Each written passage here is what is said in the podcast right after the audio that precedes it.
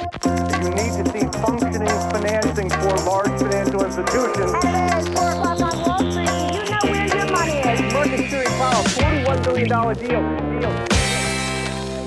Då är det dags för ett nytt avsnitt av investerarens podcast. Förra veckan var en röd historia. Minus 1,59 för OMXS30 och minus 1,52 för OMXS-GI. Och även augusti blev ju en röd historia och september har ju börjat i rött likaså. Det enda vi får glädja oss åt är ju fortfarande då juli som eh, helt enkelt fortfarande är den månaden i år där vi fick en uppgång.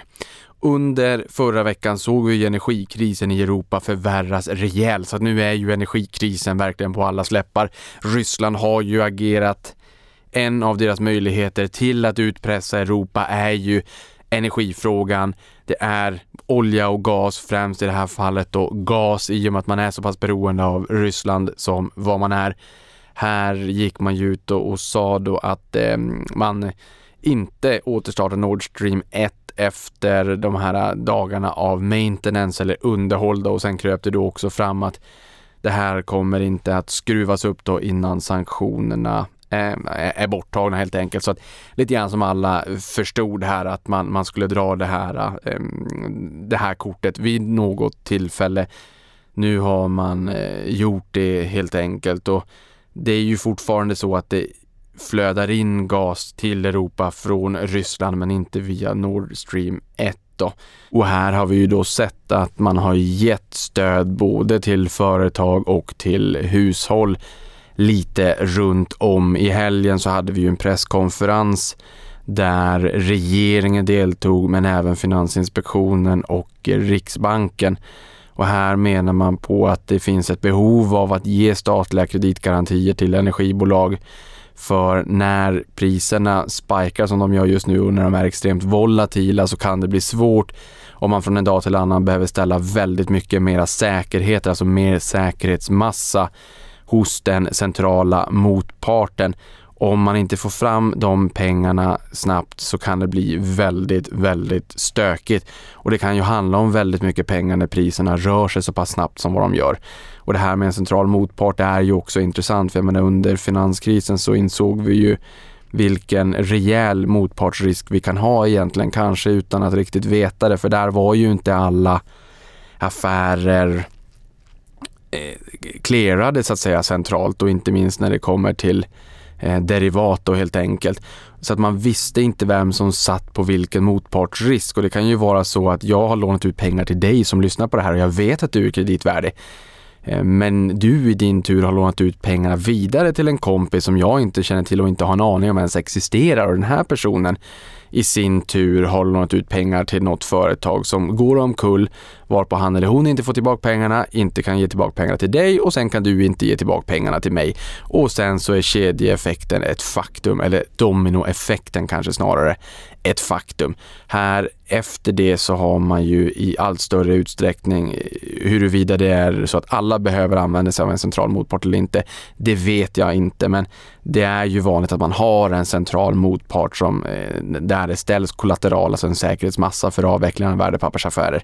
För det innebär att om jag köper en aktie och du säljer en aktie, om jag inte kan leverera pengarna till dig eller du inte kan leverera värdepappren till mig, då finns det en säkerhetsmassa hos en oberoende tredje part, alltså en, en central motpart då, som tar den här motpartsrisken. Så det är ju en god tanke, men priserna är så otroligt eh, svängiga, volatila som de har varit senaste tiden, så kan det ju komma till ett läge där man snabbt behöver ställa väldigt, väldigt mycket mera pengar i den här säkerhetsmassan i många, många miljarder vi pratar om. Och där kan det bli stökigt och det här eh, eh, spelade man upp då som ett jättehot från politiskt håll. Kom ihåg att det är valrörelse. Medan vi sen har sett att både bankerna och, och, och eh, i det här fallet tycker jag både Finansinspektionen men, men även Riksbanken med Stefan Ingves i spetsen spelade ner det här hotet redan på presskonferensen. Sen har vi också sett att exempelvis DI har skrivit mycket om storbankerna som menade på att mana till lugn, spela inte upp det, måla inte upp det som ett större hot än vad det faktiskt är, vilket man då sen gjorde kan jag tycka. Men nåväl, här i Sverige har vi då eh, beslutat oss för de här statliga kreditgarantierna även i Finland. I Tyskland har vi sett att man kommer med stöd. I Storbritannien kommer man med stöd. Där säger man att 2 500 pund mer än så ska man inte betala då som, som hushåll för elräkningen. För där riskerar du ju att dra iväg något rejält så att säga. Så att det här är ju väldigt, väldigt mycket mer kännbart i, i eh, vissa länder än i andra länder eh, och även i Sverige pratar vi om att det här kan dra iväg Eh, rejält och att man ska ha en buffert på 50 000 för elräkningen i vinter, speciellt om vi då får en, en varja vinter. Affärsvärlden skrev här, max 2 500 pund per år ska britterna betala då i elräkning efter att nya premiärministern Liz Truss inför ett pristak. Och det här är ju också, man vet ju inte riktigt vad de här energipriserna leder till i slutändan för att nu har vi en koppling mellan gaspriset och elpriset och elektricitet genereras ju av kol eller gas ofta. I Sverige har vi mycket vattenkraft och kärnkraft och allt vad det kan tänkas vara men det är fortfarande faktum att kol och gas används för att generera elektricitet. Europa är i större utsträckning beroende av gaspriserna. De har spikat rejält när vi såg att eh, Putin vred av gaskranen så var de väl upp som mest en 30-35 procent här på beskedet. Det jag dock tycker är lite intressant är att vi ser att börsen inte riktigt är lika orolig som vad den har varit tidigare, alltså mer som jag pratade om för tidigare, några tidigare avsnitt sen att det är många som är underviktade aktier, det är många som står vid sidlinjen. Kassaandelen bland globala förvaltare, även om den har kommit ner så är den på höga nivåer samtidigt som börsen har börjat kunna skaka av sig negativa nyheter i större utsträckning än tidigare. Och det är ju klart att stigande energipriser och jobbigare läge för hushållen med squeezad, squeezade plånböcker, det kommer påverka bolagen. Frågan är hur mycket som är diskonterat. Och jag tycker att det här är intressant att man har börjat se i större utsträckning att börsen kan skaka av sig det här negativa, även om vi kommer att se eh, liksom, den här situationen spegla sig och göra avtryck i Q3 och kanske främst Q4. Hur mycket eh, och hur mycket vi redan har räknat med, det, det återstår att se såklart. Men när vi öppnade upp på måndagen Ja men då vart det ju inte riktigt så allvarligt. Börsen var väl kanske en, vadå, en 2% och stängde ner en och en halv. Hade det här inte varit diskonterat så hade vi kanske fått en 3, 4, 5 i, i nedgång. Sen kan man ju fundera på hur mycket beror det på den presskonferensen man höll under helgen? Ingen aning. Men jag reflekterade över att det här inte fick så stor effekt på, på börsen som vad man kanske hade kunnat tro när beskedet från Ryssland kommer att gasen, den vrider vi av. Vill att vi ska vrida på den, dra tillbaka sanktionerna, vilket är för de allra flesta tror jag helt otänkbart eh, innan Ukraina, Europa och världen har vunnit det här kriget mot Ryssland. Och sen är det ju klart, jag menar, en, en viktig insatsvara för väldigt många bolag, det är ju energi. Det går inte att komma ifrån, men det finns också olika typer av energikällor naturligtvis och gaslagren var någorlunda välfyllda i nej, tyska lager. Sen menar man på att hade de varit helfyllda så kanske det hållit sig två, två och en halv månad i vinter och blir inget roligt om det blir varje vinter och sådär. Och det är ju klart att stigande energipriser urgröper ju eh, lönsamheten, marginalerna, konkurrenskraft för europeiska bolag. På marginalen om man får stötta sig med någonting, en liten finansiell snuttefilt, det är väl att euron är väldigt svag nu mot dollarn.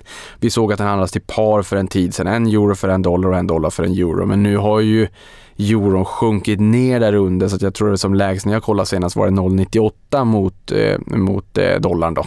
Så att det kostar mindre än en dollar att köpa en euro, mer än en euro att köpa en dollar och det är klart att hela den här situationen i Europa påverkar ju det faktumet. Så att, att euron blir lite billigare, det tar ju på marginalen udden av den jobbiga situationen då som eh, inte minst tysk basindustri Eh, Eh, känner av just nu. Och det är ju, tycker jag, många bolag som säger att nej men hörni, vi kan faktiskt dra ner på vår energiförbrukning här och här och vi kan göra det här och det borde kunna sänka så här mycket. Och sen var ju Tysklands största hyresvärd ute och sa för en tid sedan att vi måste sänka innertemperaturen. Jag tycker inte att det är en jättestor uppoffring. Jag hade absolut kunnat göra det själv också, några grader, ta på sig en filt eller en, en, en lite tjockare tröja om det är så att man är frusen av sig Ehm, för att få ner energiförbrukningen och man har väl i lite varmare länder nere på kontinenten sagt att var lite försiktig med klimatanläggning. Det är jättejobbigt när det är varmt, vi går mot svalare tider, man kanske inte behöver lika mycket. Ehm, just det här att när det är happy times, då behöver man inte tänka på det här. Men, men bara genom att tänka lite smart så tror jag att det går att dra ner på energiförbrukningen. Eh, kanske mer än vad man tror och sen så värmer man upp de här kolkraftverken som är med och stöttar upp och det blåser mera på hösten och sådär. Sen är det klart att det är en tillbakagång. Det är ingen som vill att vi ska bli kolberoende igen och att vi ska backa bak eh, flera år av framsteg i klimatfrågan. Ehm, men vi sitter lite grann i, i, en rävsax just nu. Och sen kanske det som föranledde Putins aktion här också var ju att G7-länderna kom överens om att införa ett pristak på rysk olja. Och vissa menar på att det här beskedet då när det kommer till energin var, ett, eh, var en hämnd på det eh, helt enkelt. Och som sagt, det här har fått länder att agera. Tyskland har aviserat stöd till hushållen för att klara mat och energikrisen motsvarande 2,5 procent av 2022 års förväntade BNP eh, Sverige, Finland, kreditgarantierna, U Storbritannien, pristak där för hushållen. Um, så att um, jobbig situation, men naturligtvis kommer vi också ta oss igenom det här. Och för börsens räkning, det är ju klart att alla är medvetna om den här situationen. Vissa hade nog kunnat hoppas på att man inte skulle stänga av kranen.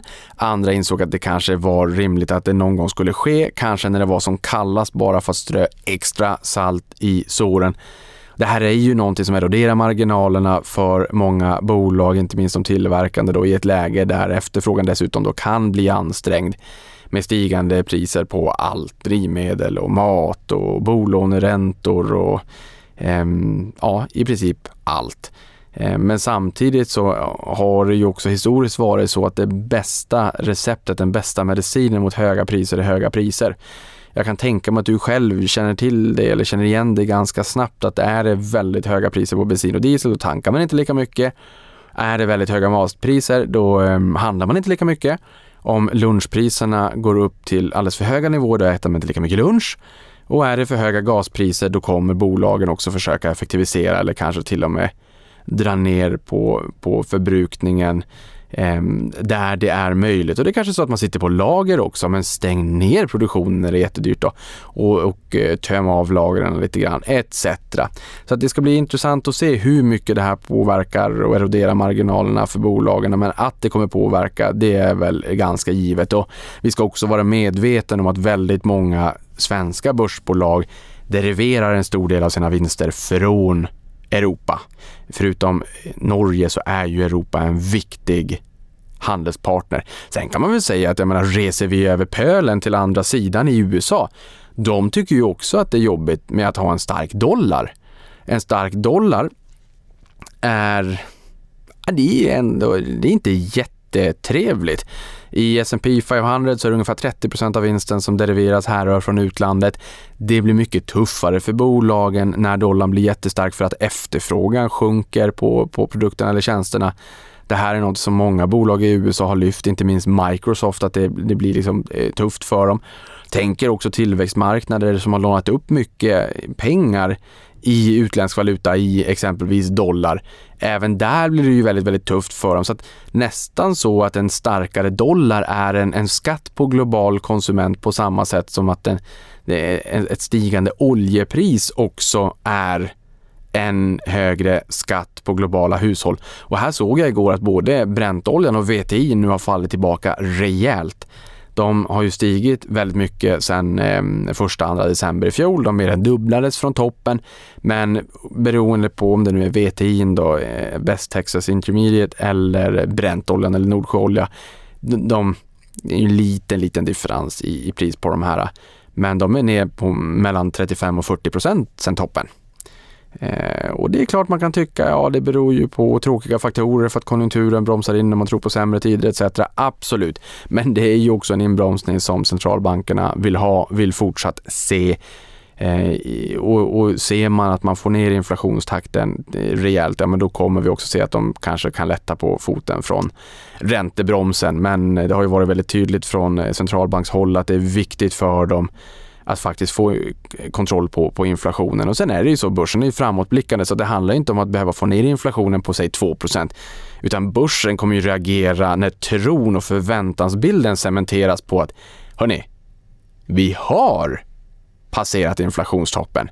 När den eh, när den ehm, verklighetsbilden, eller nästan, när den uppfattningen blir gängse konsensus, då kommer vi också se att börsen eh, reagerar. Och I USA har vi sett inflationen, nu inte kärninflation utan vi tar headline inflation, har kommit in på 9,1 procent under sommaren. Det var glödhett och sen föll vi tillbaka till 8,5. Kan vi nu få fortsätta se att det här kommer ner lite grann, ja men då finns det ju ändå skäl till att bli lite mer optimistisk och det var ju det vi såg under sommaren med julirallyt att man trodde att ja, men nu har vi passerat peak inflation och så kan det ju vara. Men där trodde man också att det skulle innebära att eh, Fed i det här fallet då lättade på, på foten från räntebromsen mycket snabbare, att man kunde få se fallande räntor som sjunkande styrränta redan nästa år. Och det menar ju de vid Jackson Hole och det här årliga eventet att nej, hörni, eh, förvänta er inte det. Vi tycker att vi har varit tydliga på den här fronten, men vi reitererar det, eh, förvänta er inte det. Det här är en situation där vi måste få kontroll på, på inflationen så att det inte blev som sist att vi får kontroll på den och sen studsar den upp igen liksom, utan vi måste kväva inflationstakten. Sen kan vi ju också betänka det faktum att inflationen började dra redan på hösten i fjol. Så att väldigt, väldigt snart, ganska nu, det är fortfarande lite varmt ute men det börjar bli lite kallare, löven faller, man behöver inte använda klimatanläggningen, det är lite kyligt, man får klä sig lite, lite, mm, lite mer eh, så. Då, precis när du känner så, då är vi inne i ett läge också med tuffare jämförelsetal när det kommer till inflation, inflationen, inflationen year on year.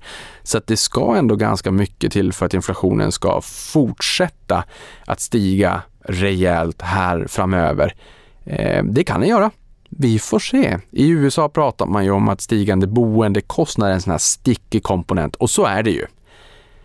Stigande löner är också sticker, men samtidigt om vi hamnar i ett läge där man inte anställer lika mycket, man friställer. Det har snackats om att man, många har haft två jobb. Eh, om det är så att man kanske ser att fler människor kommer kommer tillbaka. Det såg vi att arbetskraftsdeltagandet ökade nu senast medan timlönerna kom in lägre än vad man hade trott. Det här är små gröna skott ändå på något sätt. Nu med tanke på att den här podden skulle ut i måndags, ni vet hur det är, det är som vanligt. Det finns 51 eh, saker att göra, det händer saker hela tiden som gör att jag får skjuta på, på inspelningen men tids nog så, så masar jag mig till podd, poddmikrofonen, det vet ni det känns ändå som att min agenda nästan är en mumie från ett museum, även fast det är bara några dagar sedan. Innan jag gick in här så kom ECB, Europeiska centralbanken, med beskedet om att de höjer 75 punkter.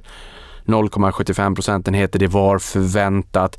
Eh, men där höjde man eh, faktiskt räntan äntligen. Vi får se vilken påverkan det då får.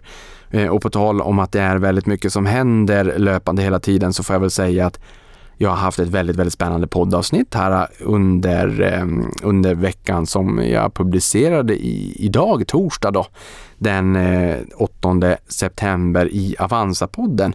Och det är H2 Green Steel som är med och eh, driver på den här enorma satsningen på Norrland som vi ser, som man säger är den största eh, största satsningen eh, sedan 1850 och industrialiseringen och en av de största satsningarna i svensk historia i termer av industriprojekt. Så att väldigt, väldigt spännande. Och det här har man ju etablerat då i Boden, min hemort, gamla hemort. Och sen har vi ju SSAB med Hybrid i Luleå, eller Luleå som man då säger.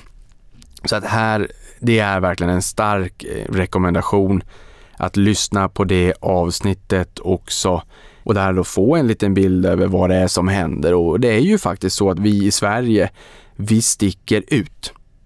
Vi sticker ut i termer av att vi är väldigt duktiga på att satsa på förnybar stålproduktion, alltså green steel som de kallar sig i sitt namn, eller grön stålproduktion. Och det här är någonting där efterfrågan bara kommer att fortsätta stiga inte minst med regulatoriska förändringar med taxonomin etc att man kan säkerställa att en produkt är hållbar från ax till limpa. Då. Från att man bryter råvaror till att man producerar en produkt, till att man distribuerar en produkt, till att den säljs till eh, exempelvis dig eller mig och att under vår tid när vi använder den här produkten då att den fortfarande är hållbar under hela sin livscykel helt enkelt.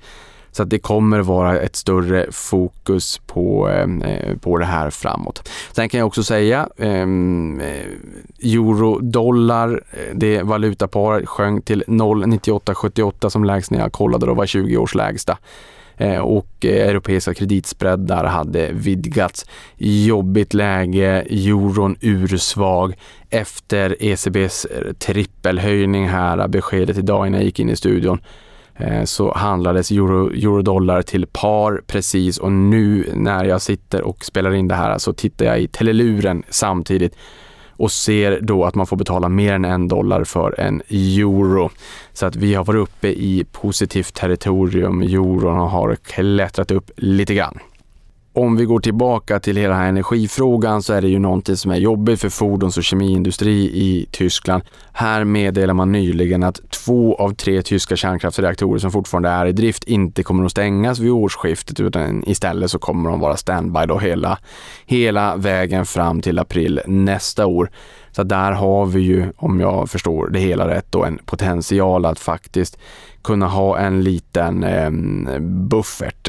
Jag gillar inte den här termen fuck off-kapital. Jag tycker att det låter lite militant, men i det här läget med tanke på kriget och med tanke på hela den här situationen och med tanke på Europa, världen eh, kontra Putin så kan man väl säga att hela den här termen då, fuck off-kapital, eh, känns kanske mera på sin plats eh, och kapital då i termer av att man har möjlighet att använda de här reaktorerna för att fortsätta att eh, producera och generera elektricitet under, eh, under vintern. Då. Så att man är lite motståndskraftig även om det skulle bli en varja vinter, det här ordet som man hör så mycket om just nu. Då. Sen förra veckan kom ju amerikansk NFP, alltså amerikansk sysselsättningssiffror, non-farm payroll utanför jordbrukssektorn i USA. Eh, oftast första fredagen varje månad kom in starkt på 315 000 jobb. Eh, och det jag var in på nyss, arbetslösheten tickade upp lite grann eh, tack vare av att ett större arbetskraftsdeltagande. Fler letar sig tillbaka, vilket också ändå är ett, ett positivt tecken och det här med lönetillväxten också var lägre än förväntat. Även det är ju ett positivt tecken. Det som inte är lika roligt det är ju en förnyad oro för kinesisk inbromsning och nya restriktioner. Vi har sett att det har varit nya lockdowns och å andra sidan det är påverkan och priserna där ute på det mesta negativt när den kinesiska konsumenten inte efterfrågar lika mycket. Det, kommer, det har förmodligen också en, en eh, våtfiltspåverkan på eh, oljepriset även om OPEC plus valde att skära ner lite grann i output så eh, den kinesiska efterfrågans vara eller icke vara och när man då tror att de inte kommer efterfråga lika mycket, det har ju en påverkan på globalt oljepris. Vilket är eh, eh, positivt att det har kommit ner då som sagt. Och sen har vi sett största utflödet av amerikanska aktiefonder på tio veckor också enligt Franklin Templeton. Eh, så att lite större stök nu eh, igen kan man väl säga. Sen ett klassiskt nyhetssvep och då kan jag säga att elbilstillverkaren Polestar som ägs av Geely och Volvo Cars såg intäkterna nästan dubblas under första halvåret tack vare kraftigt stigande efterfrågan samt att de har ökat priserna för att mota stigande kostnader och vårda marginaler. Bolaget upprepar även målet om att leverera 50 000 bilar i år och än så länge har man levererat 21 200 bilar under första halvåret vilket är 123 procent mer än förra året. De har levererat 9510 bilar.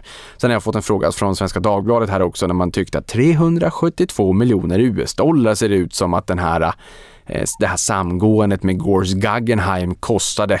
Eh, och, och, där vill jag bara i det här formatet säga att det blir ju lite knepigt när man har en SPAC, Gors Guggenheim och sen Polestar eh, som ska gå ihop då så att säga och, och, försöka utröna någon form av noteringskostnad. För det är ju inte det det handlar om i det här fallet. Jag menar, Gors Guggenheims backen är ju redan noterad. Det är noterad på sig pengar.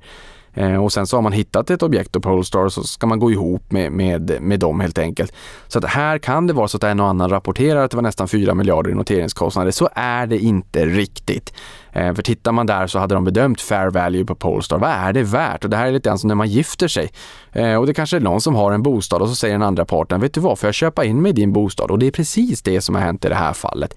Där man tittade på och bedömde värdet för Polestar, sen sa man att Gors Guggenheims aktieägare, ni får köpa 5,1 procent av Polestar och eh, nuvarande storägare behåller 94,9 procent och det ska jag väl säga, det är ju Geely och Volvo Cars i stor utsträckning. Och sen eh, så ska ni betala en slant för de här 5,1 procent aktierna. Jaha, men nu går vi ihop här och Gors Guggenheim, den här spacken, det är noterat på sig pengar. Det finns ju pengar där i. Då måste man ju räkna bort det. För den slanten ni ska betala för de här aktierna, den minskas ju med, med liksom de tillgångarna som finns i Gors Guggenheim. Och sen så hade vi lite eh, sponsorintäkter etc. i, i, i den här spacken också. Så att efter all avräkning så var det 372 miljoner dollar kvar då. En, en redovisningsmässig eh, siffra där. Eh, och det ska ju inte blandas ihop med en noteringskostnad för det hade varit väldigt dyrt tycker jag, även i amerikanska mått mätt. Utan det blir en residual, hur mycket pengar är det kvar att betala för de här äh, aktierna efter avdrag för kassa och kontanter och allt möjligt som vi har haft i spacken. Ehm, först skulle de betala en miljard dollar och sen i slutändan så var det 372 miljoner dollar efter avräkning för kassa och allt vad det, allt vad det då var. Och det är ju en one-off, det är lite grann som BB det, och det vet jag. Ena, ett av mina barn, det kostade väldigt mycket för vi var kvar på BB en, en bra tid. Det kostade rätt många tusen lappar. Men man kan säga att eh, förutom att man tänker på mycket annat än pengar såklart när man precis har blivit förälder. Eh, men det är också väldigt enkelt att tänka att det här är verkligen en one-off därför att eh, barnet föds en gång. Eh, jag önskar att man kunde säga samma sak när det kommer till börsbolag, men ta Gränges, de har ju kommit in och köpts ut och kommit in på börsen flera gånger så att det kanske inte är en one-off, men ni fattar. Eh, I, i, stor sannolikhet så är det en one-off. Sen har vi Volkswagen som har beslutat sig för att notera en eh, minoritetsandel i Porsche i år trots stökig marknad, vilket enligt Bloomberg kan bli en av Europas största noteringar och den största noteringen någonsin för Tyskland. Och här pratar man om en värdering på en 60 85 miljarder euro. Spännande. Också intressant att det bubblar till lite grann i noteringsled. Vi ser nu att det kan bli lite noteringar i Europa, lite i USA. Det är lite, ja, det kanske kan bubbla på sig lite grann i Sverige också. Eh, jag tror att får vi en eller några noteringar som flyger bra och vi har haft en Kon också. Men får vi någon eller några som flyger bra så kan det på marginalen också dela lite riskvilja eller åtminstone öppna fönstret på lite vidare gavel när andra bolag ser så här, kolla, det går att ha en liten flotation. Det går att släppa ut jollen på börshavet även om vi eh, från tid till annan har lite högre volatilitet eller lite stökig period just nu. Men kolla, det går. Det finns en riskvilja. Så får vi se. Det, det är väl lite grann det som behövs för att i lite större utsträckning se att lite fler bolag hittar till, till börsen. Sen är det klart att man kanske får dra ut ett snitt över tid också. I fjol kom det in enormt många bolag. Många av de här bolagen måste ju mogna in. Så det kanske är så att vi behöver, när man har varit på buffé och käkat enormt mycket, ni vet när man nästan spricker, då kanske man behöver ligga på eh, sofflocket och jäsa lite grann. Eh, så att det kanske bara är naturligt att efter ett år med rekordmånga noteringar, att det blir lite lugnare. Eh, och att man får se det här liksom över tid som ett snitt, att det är en stridström av bolag inom. Så att det kanske är ingen som egentligen vill, precis just nu, att det bara ska bli galet och öppna spjäll igen. Eh, och, och, och, det är ju lite en annan verklighet även i termer av ränta, så riktigt så kommer det förmodligen inte bli. Sen har vi aktivistfonden Elliot Investment Management, eller Elliot Capital som jag brukar säga, som tidigare tagit en koner i Axis och Arcam och Nordnet har nu tankat fler aktier i Swedish Match för att motsätta sig Philip Morris bud på 106 kronor per aktie. Och de vill ju liksom, de, de gör sin hemläxa och de vill ta en corner på 10% för att blocka ett bud.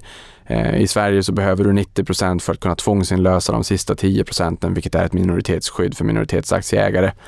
Um, och de vill ju bara blocka budet och sen säga att vill ni ha de sista 10 procenten då får ni, liksom, då får ni eh, betala upp eh, lite mer. Och man kan ju se här att aktien handlas över budnivå vilket indikerar att marknaden tror att det kan hända lite grejer. Och det kan vara så att Philip Morris kanske säger att nej, men vi kommer inte ha krav på 90 utan vi kan ha krav på någonting annat istället och sen så får man bara göra upp sinsemellan mellan Elliot Capital då och eh, Philip Morris i slutändan bakom lyckta dörrar bakom kulisserna. Eh, om det är så att man vill eh, få köpa de här sista. Det är ju inte så att eh, Elliot vill vara långsiktiga eh, ägare i det här utan man vill bara få bättre betalt. Um, helt enkelt och det behöver ju inte komma alla aktieägare till del. Sen har vi memstock-aktien Bed Bath and Beyond som meddelar att finanschefen tagit sitt eget liv genom att hoppa från skyskrapan Jenga Towers i fredags.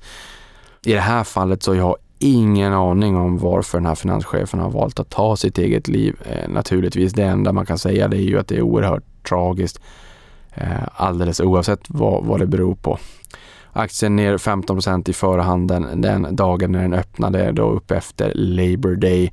Och innan det här så hade aktien då tappat 71 procent sedan 7 augusti, vilket också är en påminnelse om att den här typen av aktier svänger rejält mycket eh, och man ska nog vara lite försiktig. Det är väl det vi kan se att många kommer in i den här typen av aktier efter uppgång och sen så säljer man ut sig efter eh, nedgång. Eh, och det är, ingen, det är inget recept för framgång. Sen har vi Apple som har hållit sitt årliga event där en ny klocka, en ny iPhone och nya AirPods Pro avtäcktes. Mycket spännande. Och nu har ju Apple passerat Android och smartphones i USA där fler än varannan aktiv smartphone under Q2 var en iPhone i, i USA där då enligt analysfirman Counterpoint Research. Och det här är högsta andelen sedan iPhone lanserades 2007.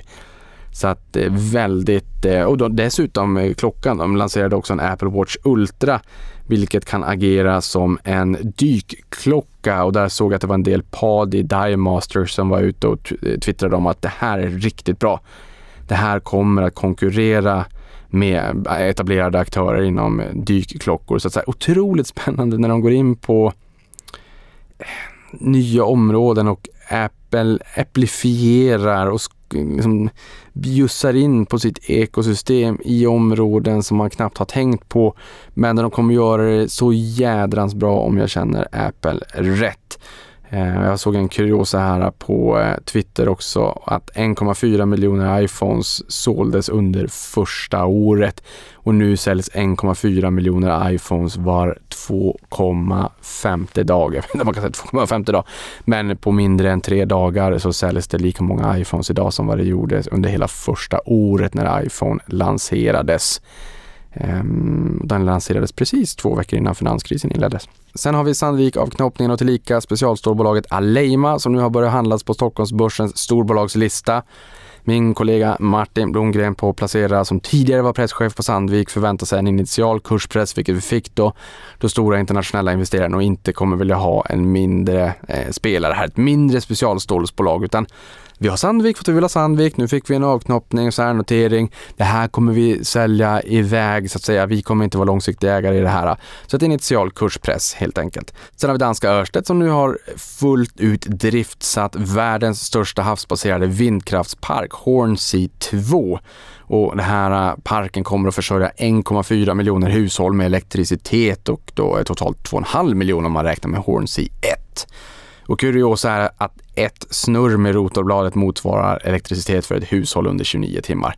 Och eh, är, du man, är man då snabb så i, i tankarna så inser man att hur går det här ihop? Eh, det går ju inte att spara elektriciteten, den måste ju konsumeras samtidigt som den genereras om man inte använder sig av energilager, det vill säga batterier. Ja, så är det. Det här är ju bara en kuriosa som man slår ut det. Liksom, hur länge skulle det här snurret räcka för ett hushåll? Men det är ju eh, i det här fallet 1,4 miljoner hushåll som konsumerar löpande så att det här snurret går till många hushåll. Då. Men som jämförelse. Sen har vi Paradox som lanserar Victoria 3 den 25 oktober, vilket sägs vara gamingbolagets största spelsläpp på två år sedan Crusader Kings 3 2020 och efterföljer Victoria 1 och 2 från 2003 respektive 2010. Sen har vi investmentbolaget Latour som förvärvar robotbolaget Maxa GV Ehm, ehm, jag har ingen aning om exakt hur man uttalar det, men det är versaler och det står Maxa GV alltihop skrivet via dotterbolaget Latour Industries och det förvärvade bolaget beskrivs som en ledande leverantör av system med mobila robotar och mjukvara för godshantering. Spännande. Latour har ju historiskt haft en fingertoppskänsla för vilka industrier som ligger i framkant och som rider på sekulär eh, tillväxt. Ehm, Strukturell tillväxt. Så att, eh, ja, spännande. Och sist men inte minst, för att avsluta podden, tycker du att vi kommit långt i digitaliseringen globalt? Jag brukar ibland säga att man inte ska eh, trampa i den fällan att man inte ser skogen för alla träd. Sverige är väldigt digitalt, hur vi än mäter, vi är ganska moderna. Fiber, 70 procent av hushållen när man lyssnar på Hexatronic, Nibe, eh, värmepumpar. Svenskt fenomen. Nordiskt fenomen möjligtvis, men knappt ens eh, märkbart där ute globalt. Ytterligare ett sånt tecken, en sån påminnelse är Japans digitaliseringsminister Taro Kono som nu vill fasa ut disketter i japansk statsförvaltning. Och han menar att 1900 olika processer fortfarande kräver disketter i landet. Eh, och visst, eh, det kan ju vara så att du som eh, lyssnar på det här kanske kommer ihåg kassetter en gång i tiden. Jag hade en sån där dator men den var lite väl ung. Och sen fanns det väl 5,25 tums disketter men jag tror att det är de flesta kommer ihåg som är i min ålder. Jag är 87, då kommer man ihåg 3,5 tums disketterna. Eh, det, här använd, det här är alltså någonting man använder i väldigt stor utsträckning fortfarande i Japan. Sen är ju finansbranschen experter på att använda fax, det ska vi komma ihåg, eh, men, men fax kanske känns mer modernt än disketter, jag vet inte. En spaning dock, eh, det är väl att den unga vuxna generationen som vi har idag, det kan vara så att de inte har någon förståelse alls överhuvudtaget annat än att man har förstått det i efterhand för att man har läst på. Varför spara-knappen i Office, det vill säga typ Word, varför det är en ikon av en diskett. Det är rätt otroligt. De kanske aldrig någonsin har sett en diskett, aldrig någonsin har använt en diskett. Men när man ska spara i Word eller Excel eller vad den är, då är det en diskett du trycker på.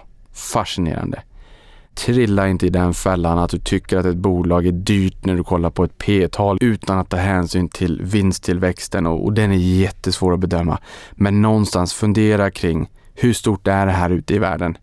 Jag har sagt det i den här podden tidigare, jag har sagt det i Avanza-podden tidigare. Eh, på grund av att jag har lärt mig det av gäster ska sägas. Men det är över en miljard människor som lagar mat över öppen eld varje dag. Det är över en miljard människor som inte har tillgång till ett fast elnät.